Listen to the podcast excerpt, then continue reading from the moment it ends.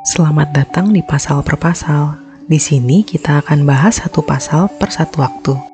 Kita buka Alkitab kita, dan yuk kita kenal Tuhan sama-sama. Kisah ini terjadi enam hari sebelum Paskah atau sebelum Yesus disalib dan mati.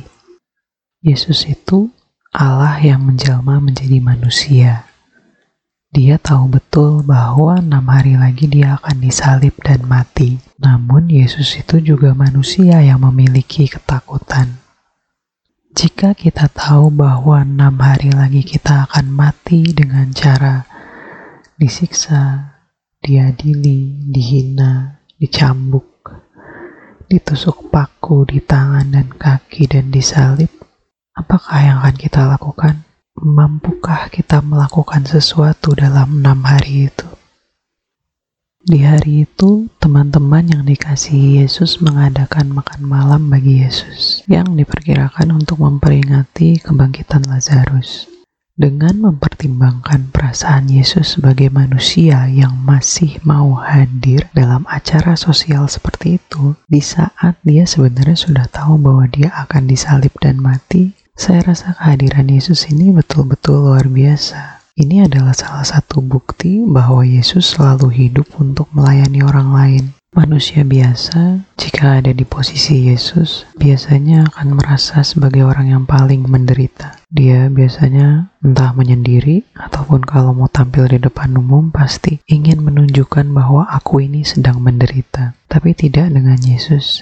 Yesus tetap mau hadir di perjamuan ini dan tidak membiarkan orang lain memikirkan penderitaannya. Dia tetap mau ikut bersuka cita dengan orang yang bersuka cita, walaupun dia punya banyak sekali alasan untuk tidak ikut bersuka cita. Di masa itu ada tradisi bahwa tuan rumah akan membersihkan kaki para tamu dengan air dan meneteskan parfum di kepala tamu. Tapi saat itu Maria datang pada Yesus dan membasuh kaki Yesus dengan parfum yang amat sangat mahal. Para ahli mempercayai bahwa parfum ini adalah mahar yang Maria simpan untuk pernikahannya nanti. Harga parfum ini setara dengan gaji orang Israel selama setahun. Kalau mau kita analogikan di Indonesia, rata-rata pendapatan per kapita orang Indonesia setahun adalah 59 juta. Jadi bisa kita bayangkan bahwa parfum itu harganya semahal itu. Biasanya kalau kita beli barang mahal seperti ini, kita akan pakai parfum itu dengan irit, tapi tidak dengan Maria. Jadi bayangkan Maria buka itu tutup parfumnya dan tuangkan seluruh parfum seharga 59 juta itu ke baskom, lalu membersihkan kaki Yesus dengan parfum itu. Dia oleskan semuanya itu ke kaki Yesus pelan-pelan, lalu mungkin dia membuka kerudungnya dan menyeka kaki Yesus dengan rambutnya. Di masa itu, perempuan tidak biasa mempertontonkan rambutnya di depan umum. Tapi saat itu bagi Maria, Yesus lebih penting dari segala penilaian manusia. Ada dua simbol penting di sini. Parfum yang mahal ini menunjukkan kekayaan Maria dan seluruh masa depan Maria. Sedangkan rambut merupakan lambang keagungan seorang wanita Yahudi. Baik kekayaan dan masa depannya juga kehormatannya sudah Maria serahkan semua kepada Yesus. Maria sadar bahwa kekayaan, kehormatan, keagungan, dan masa depan dirinya hanya layak dia serahkan pada kaki Yesus. Dia merasa tidak layak untuk meneteskan parfum di kepala Yesus. Hanya pada kakinya saja dia merasa layak untuk melihat. Kerendah hatian seperti ini yang juga seharusnya kita tunjukkan pada Yesus, bukan sebaliknya. Seringkali kita justru merasa Tuhan yang harus menyediakan kita kekayaan dan kehormatan. Padahal justru apa yang ada di tangan kita ini, apa yang kita miliki ini, sudah sepantasnya kita serahkan kembali pada Yesus, sumber segala-galanya dalam hidup kita.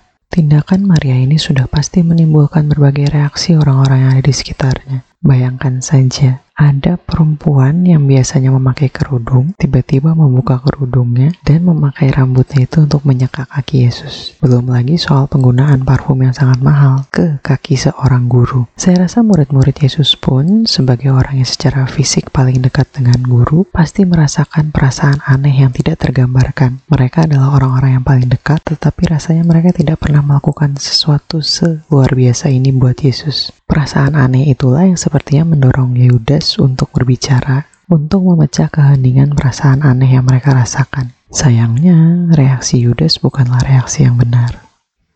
Bukannya merasa bersalah karena murid-murid tidak melakukan penghargaan yang sama seperti Maria, Yudas malah berkata bahwa yang Maria lakukan ini berlebihan untuk Yesus. Dengan dalih bahwa seharusnya parfum itu dijual dan uangnya diberikan pada orang miskin, Yudas menentang perbuatan Maria ini. Padahal penulis Yohanes ini menambahkan info bahwa Yudas ini suka mengambil uang dari uang bendahara yang ia kelola. Sehingga ada gambaran bahwa alasan yang Yudas sampaikan hanyalah untuk menutupi dosa-dosa diri Yudas yang tamak. Kita pun sering kali berlaku demikian. Mulut kita menyampaikan seakan-akan kita memperhatikan orang-orang lain, padahal sebenarnya yang kita kejar adalah keuntungan diri sendiri. Apa yang Maria lakukan ini adalah salah satu bentuk penyembahan pada Tuhan, dan penyembahan selalu berdasarkan relasi kita dengan Tuhan. Sama seperti kita membelikan bunga pada kekasih kita, memang pemberian bunga ini terlihat tidak praktikal dan bahkan menghabiskan uang. Tetapi dari sisi relasi, pemberian bunga ini berdampak banyak untuk perkembangan relasi kita. Atas dasar penyembahan Maria, Yesus membela Maria dengan mengatakan bahwa apa yang Maria lakukan ini adalah salah satu bentuk penghormatan kepada Yesus, terutama penghormatan kepada kematian Yesus yang akan datang. Dan dalam perayaan kematian seseorang tentu tidak ada suatu hal yang terlalu mahal untuk dilakukan.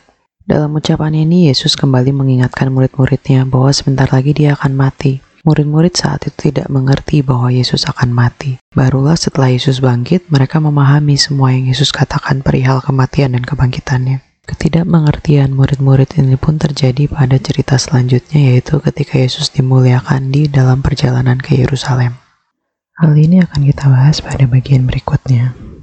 Saat ini mari kita renungkan tentang apa yang baru saja kita dengar. Dalam penyembahan kita pada Yesus, apakah kita sudah menjadi Maria yang menyerahkan segala sesuatunya untuk Tuhan?